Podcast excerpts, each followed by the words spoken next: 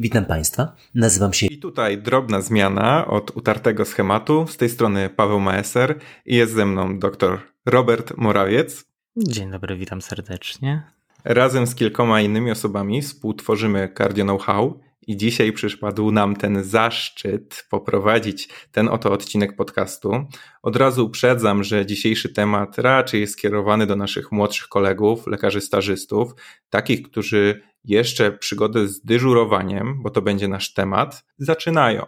A my będziemy odpowiadać na wszelkie pytania, które zadaliście nam za pośrednictwem mediów społecznościowych. Będziemy, ale tak naprawdę odpowiadać będzie głównie Robert, bo właściwie można powiedzieć, że przeszedłeś przez te wszystkie etapy związane z dyżurami, od przychodzenia jako student na dyżury do wybranego przez siebie lekarza, przez dyżury towarzyszące, dyżury pojedyncze, a kończąc jako szef dyżuru na cały szpital. Można tak powiedzieć? No tak, zdecydowanie.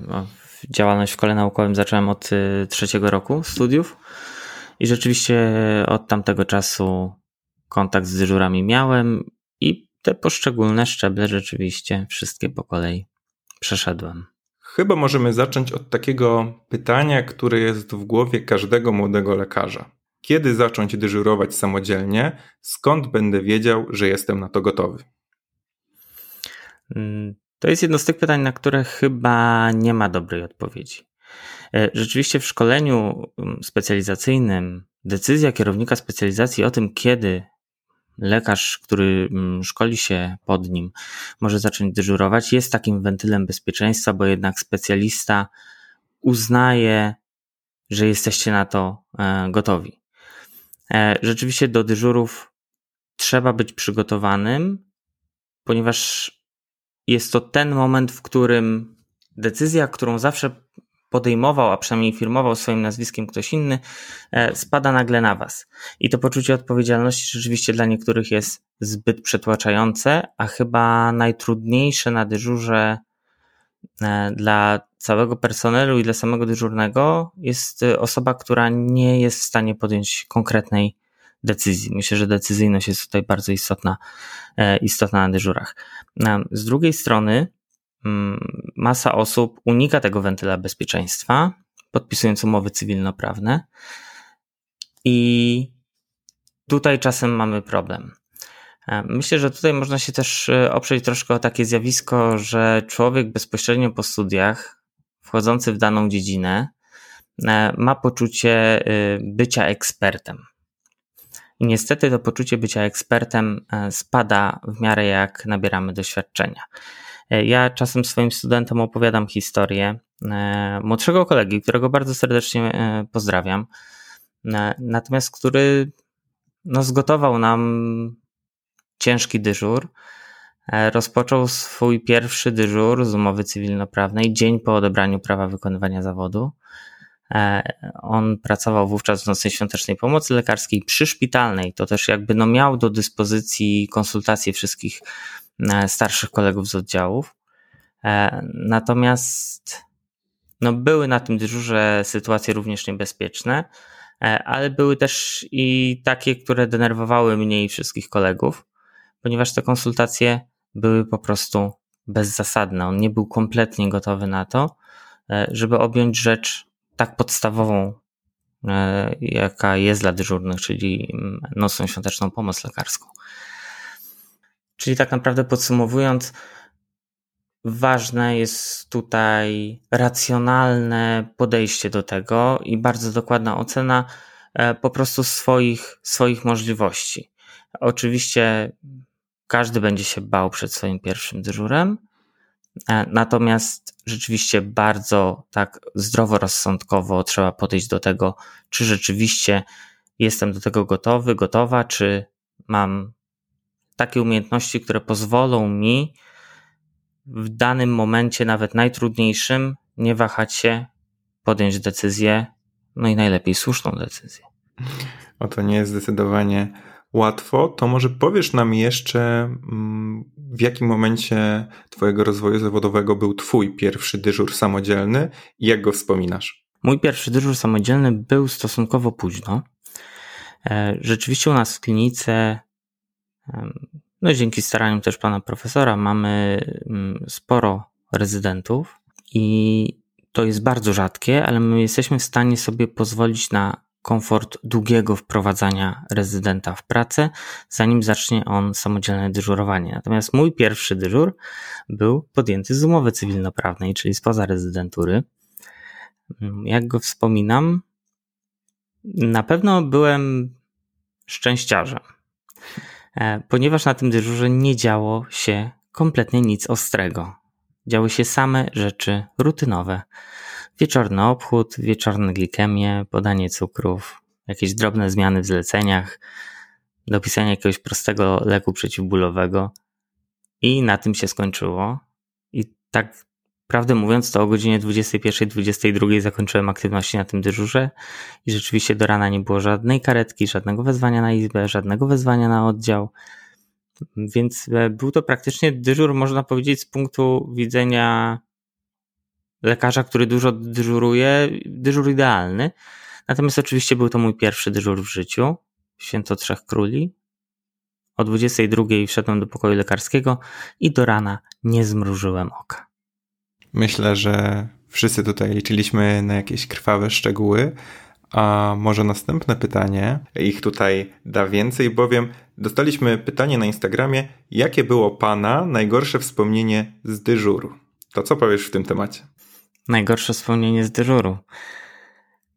Zależy jak na to patrzeć. Czy najgorsze pod kątem przypadków, które mi się na takim dyżurze zdarzyły, najgorsze pod kątem obciążenia pracy, e, czy najgorsze związane ze mną jako e, samym sobą. E, najgorsze wspomnienie z przypadków, które się zdarzyły, to rzeczywiście chyba nigdy nie zapomnę pacjenta, którego dość szybko kazałem przyjąć na górę na oddział. To był dyżur w jednym ze szpitali powiatowych na oddziale internistycznym. I to był pacjent, który trafił tak naprawdę z gorączką i zarzuceniem powłok skórnych. I krótko mówiąc, nie do końca wiedziałem, co mu jest. I tak naprawdę nigdy się już nie miałem okazji dowiedzieć, ponieważ e, doszło do nagłego zatrzymania krążenia u pacjenta, praktycznie na górze na oddziale, e, bezpośrednio po wjechaniu na, e, na salę chorych. Także nawet nie, nie zdążyliśmy pobrać krwi. Także nie mamy żadnej wiedzy o tym pacjencie. I, I tak jakoś do tej pory, mimo że minęło już parę ładnych lat, mam jakieś takie y, mm, poczucie, poczucie porażki, że może coś tam wtedy przegapiłem, e, bo niestety wówczas reanimacja była nieskuteczna u tego chorego. Rodzina odstąpiła, znaczy na prośbę rodziny odstąpiono od sekcji zwłok. Mm, także tak naprawdę jest to dla mnie taka nadal zagadka. Ich później zdarzyło się jeszcze wiele, oczywiście, ale ta była pierwsza i pewnie dlatego ją pamiętam. Natomiast w kwestii najgorszego dyżuru pod względem obciążeń dyżurowych, tak ogólnie, e, to zdecydowanie myślę, że wielu moich kolegów się zgodzi, e, że to, co przed pandemią nazywaliśmy ciężkim dyżurem, to teraz w pandemii jest dyżurem normalnym, a nawet lekkim. E, a ja ze swojej strony dodatkowo dodam, że nałożenie na mnie jeszcze dodatkowo funkcji szefa dyżuru, którą czasem pełnię również w połączeniu z byciem lekarzem izbowym, u nas w szpitalu, jest tym, co sprawia, że na tym dyżurze rzeczywiście nie ma nawet chwili dla siebie na, na minimalną regenerację e, i są to dyżury bardzo obciążające. Faktem też jest, że u nas w szpitalu funkcja szefa dyżuru e, jest bardzo intensywnie wykorzystywana. Wykorzystywana to też może nie jest najlepsze słowo, ale rzeczywiście szef dyżuru zawiaduje całym szpitalem ruchem chorych, e, decyzjami, pomaga młodszym kolegom. Myślę, że, znaczy wiem, że w innych szpitalach tak to nie wygląda, e, natomiast e, to też jest duże wsparcie dla młodszych kolegów, którzy nie są pewni jeszcze swoich decyzji dyżurowych. Natomiast obciążenia takiego dyżuru i generalnie obciążenia dyżurów w pandemii są na tyle duże, że frustracja w środowisku plus dyżurowa frustracja i stres, e, no naprawdę są czasem bardzo konfliktogenne. E, I to też jest między innymi funkcja szefa dyżuru, która dodatkowo przysparza stresu e, i zmęczenia. E, właśnie gaszenie takich pożarów niekoniecznie dyżurowych, związanych z pacjentami, a gaszenie też pożarów pomiędzy, pomiędzy personelem, co, co czasem takie proste nie jest, a z drugiej strony dla mnie jako szefa dyżuru jest e, bardzo zrozumiałe. Dyżur to jest 24-godzinne, 24-godzinny stres, 24-godzinne bycie pod e, presją e, i to zawsze będzie czynnik zapalny do konfliktów. No i wreszcie chyba ten dyżur, najgorszy dyżur dla mnie, jako dla dyżurującego, związany ze mną, to myślę, że zdecydowanie ten dyżur pamiętnego dla mnie 23 grudnia, w którym to ja stałem się, na którym to ja stałem się pacjentem. E, dyżur oczywiście podjąłem w poczuciu pełnego zdrowia e, fizycznego, bez żadnych objawów.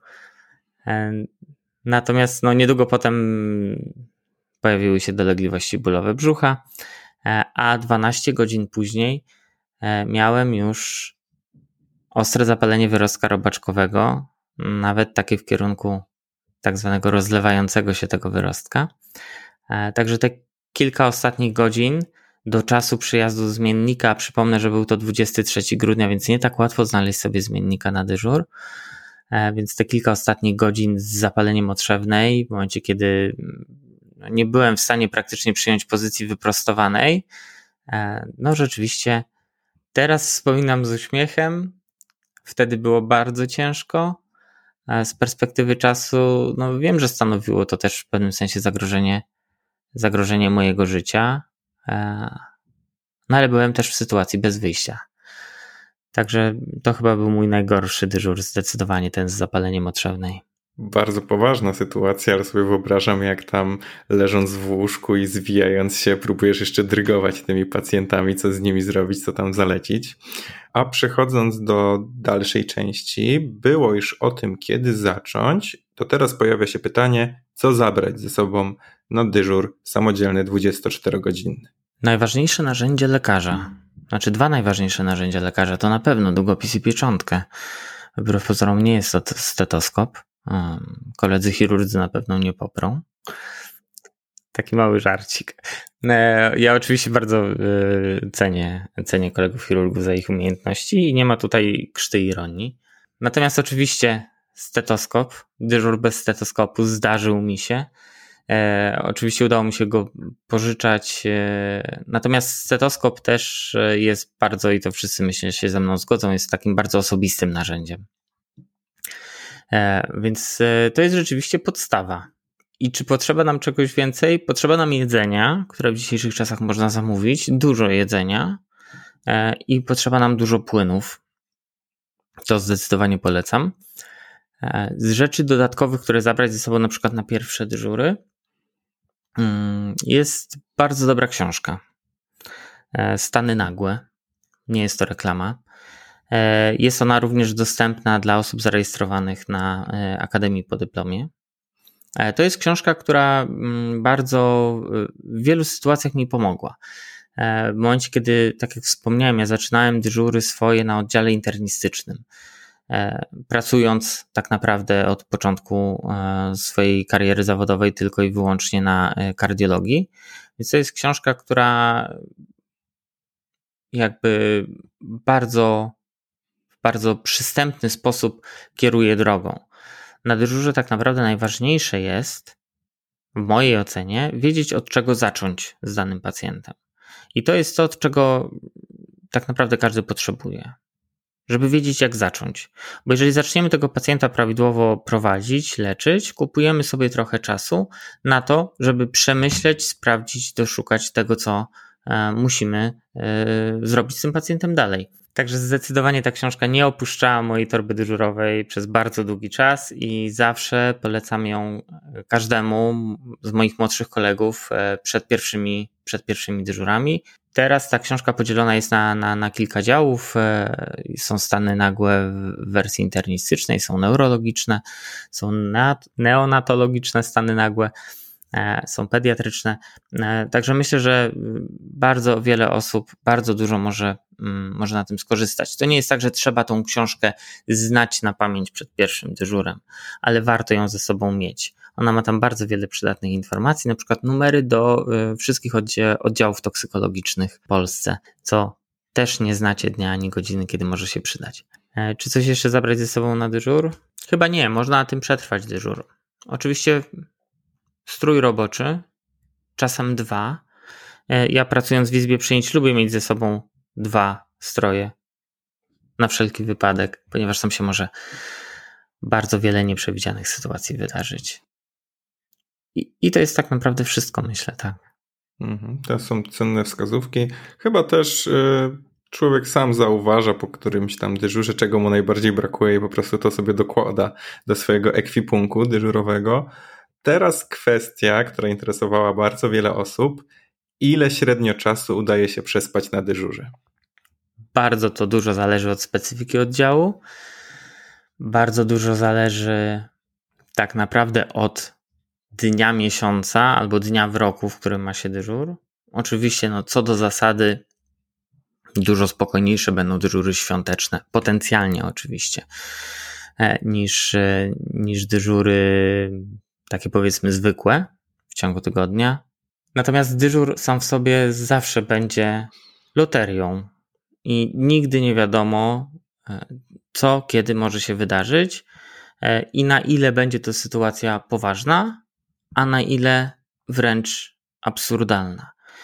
E, każdej osobie, która jeszcze nie dyżurowała samodzielnie, już w tej chwili mówię, że na pewno zdarzy Wam się wezwanie o trzeciej w nocy e, do jakiejś dolegliwości, która pacjenta, u pacjenta występuje okresowo od na przykład roku czy dwóch. E, także ten okres odpoczynku na dyżurze jest absolutną loterią, ale trzeba wykorzystać każdą minutę. Natomiast ważne jest tu też jasne określenie tego momentu, kiedy lekarz może, w mojej ocenie powinien odpoczywać na dyżurze, w tym oczywiście spać. I nawet w tej sprawie wypowiadał się Sąd Najwyższy i rzeczywiście dyżur, z czym się w pełni zgadzam, powinien być, jest podzielony każdy dyżur na trzy okresy. Ten okres, ten czas, kiedy wykonujemy fizycznie jakąś aktywność, ten okres, kiedy aktywnie oczekujemy tej aktywności i biernie oczekujemy tej aktywności. No, myślę, że tłumaczenie tego, że wykonujemy jakąś aktywność, jakby jest bezcelowe. Oczekiwanie na aktywność to jest oczekiwanie na aktywność, która wiemy, że nadejdzie. Typu telefon od e, zespołu ratownictwa, wieziemy pacjenta ze STEMI. Typu zleciliśmy pacjentowi kontrolne troponiny, oczekujemy na ich wynik. To, zgodnie z wyrokiem Sądu Najwyższego, jest czas aktywnego oczekiwania i w tym czasie lekarz nie może się położyć spać. Natomiast w tym okresie biernego oczekiwania, ten okres biernego oczekiwania to jest okres, w którym czekamy na coś, co się stanie, ale nie jesteśmy w stanie przewidzieć kompletnie, kiedy to się stanie. Czyli na, to jest taki no, potencjalne czekanie, bycie w gotowości. I to jest ten czas, który powinno się na każdym dyżurze wykorzystać na sen, albo przynajmniej położyć się i leżeć. E, ja osobiście doradzam, żeby było wówczas jak najmniej rozpraszającej aktywności, w tym również aktywności umysłowej. Czy czytanie książki jest dobre? Dla mnie osobiście nie. E, musiałaby być to chyba jakaś bardzo lekka książka, w sensie nie angażująca mnie tak mentalnie. Korzystajcie z każdej minuty tego biernego oczekiwania na to, żeby odpoczywać, a najlepiej spać, bo każda taka nawet krótka drzemka, taki power nap e, naprawdę na dyżurze jest czymś bezcennym, jeżeli tylko można, a nie zawsze można. Mhm. I przechodząc do następnej kwestii, troszeczkę chyba powiązanej z tym, co przed chwilą powiedziałeś, jak powinien wyglądać przysłowiowy idealny dyżur? Myślę, że każda specjalizacja miałaby swoją wizję idealnego dyżuru. Pewnie dla chirurga byłby to taki dyżur, na którym nie operowałby jakiegoś ostrego przypadku przez 5 e, godzin od godziny 23. E, dla mnie idealny dyżur e, to taki, na którym wszystko, co się dzieje, nawet jeżeli są to stany nagłe, ostre, nawet jeżeli dzieje się bardzo intensywnie, to idealny dyżur to taki dyżur, w którym ten wspomniany przeze mnie wcześniej czas biernego oczekiwania, czyli ten spokój nocny, trwa przynajmniej kilka godzin. Bo jakby można powiedzieć tutaj, że idealny dyżur to był ten mój pierwszy dyżur, który miałem, e, na którym nie działo się kompletnie nic. I to rzeczywiście był idealny dyżur. Z perspektywy czasu, idealnym dyżurem będzie taki, na którym będzie ta przerwa nocna w miarę, miarę spokojna, tak naprawdę. Zwłaszcza teraz patrząc przez, przez pandemię, to każdy dyżur z przerwą sześciogodzinną jest, myślę, dla każdego z nas w tej chwili marzeniem. No i zmierzając tak powoli w kierunku końca, jest takie pytanie, które bardzo mnie rozbawiło. Czy podczas spokojnych dyżurów podwójnych jest integracyjna atmosfera, na przykład film? Mówię, że mnie rozbawiło, ponieważ aktualnie jestem na stażu na oddziale, gdzie nie ma takiego pojęcia jak spokojny dyżur i myślę, że jakbym e, takie pytanie zadał lekarzom po właśnie takim ciężkim, skończonym dyżurze, to myślę, że nawet by się nie uśmiechnęli. Jakie jest Twoje zdanie w tym temacie? Zdecydowanie takie samo. W dzisiejszych czasach nie istnieje spokojny dyżur. Natomiast czy na dyżurach podwójnych, czy nawet niekoniecznie podwójnych, ale pomiędzy oddziałami, e, jakieś powiedzmy aktywności integracyjne się odbywają? Zdecydowanie tak. Kiedy? Zawsze, mówiąc wprost, nad miską, czyli przy żarciu e, i przy zamawianiu jedzenia, E, I bardzo często jest tak, że w każdej wolnej chwili już od rana się myśli, a co zjemy, a co zamówimy. E, I potem, jak już tylko się wyciśnie nawet te 10-15 minut e, na, na zjedzenie tego, co przyjechało, czy czasem nie ukrywa mi się to zimne, to jeżeli znajdzie się te 10-15 minut wspólnych, to to jest rzeczywiście ten czas taki, taki integracyjny. E, czasem nawet, e, tak jak mówię, dyżurni z, z innych oddziałów czasem też się e, zmawiają wspólnie na zamówienie jedzenia.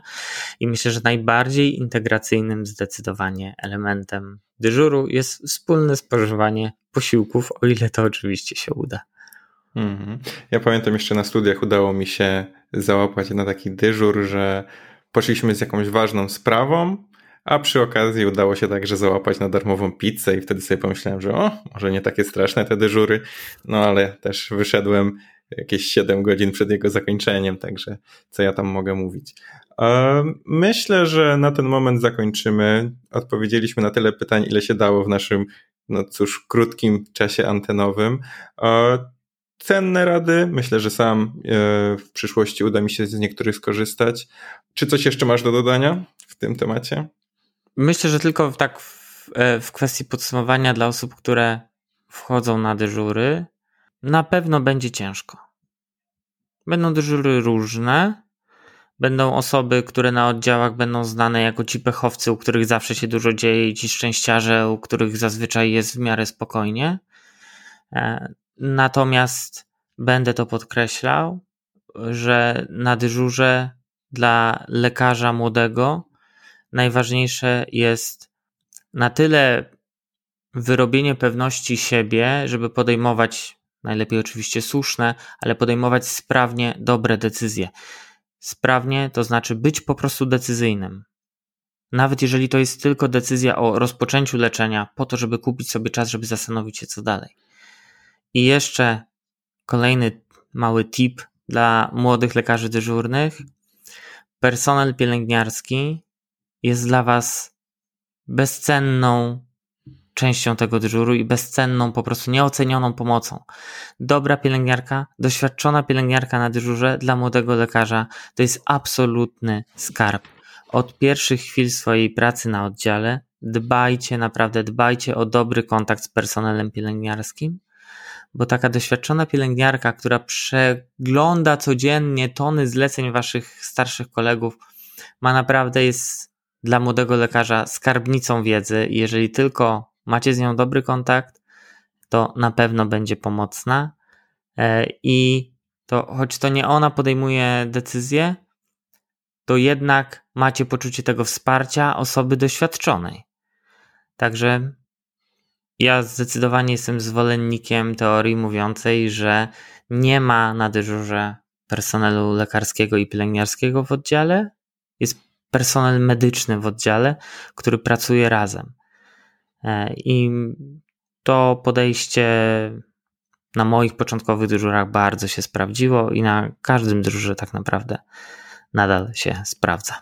No i myślę, że my możemy życzyć tutaj wszystkim słuchaczom Cardio Know-how, żeby ich dyżury obfitowały w jak najwięcej tego spokojnego czasu, mimo że zapewne nie jest to możliwe, ale tego życzymy i dziękujemy, że wysłuchaliście nas do końca. Dziękuję bardzo. To do usłyszenia, do zobaczenia.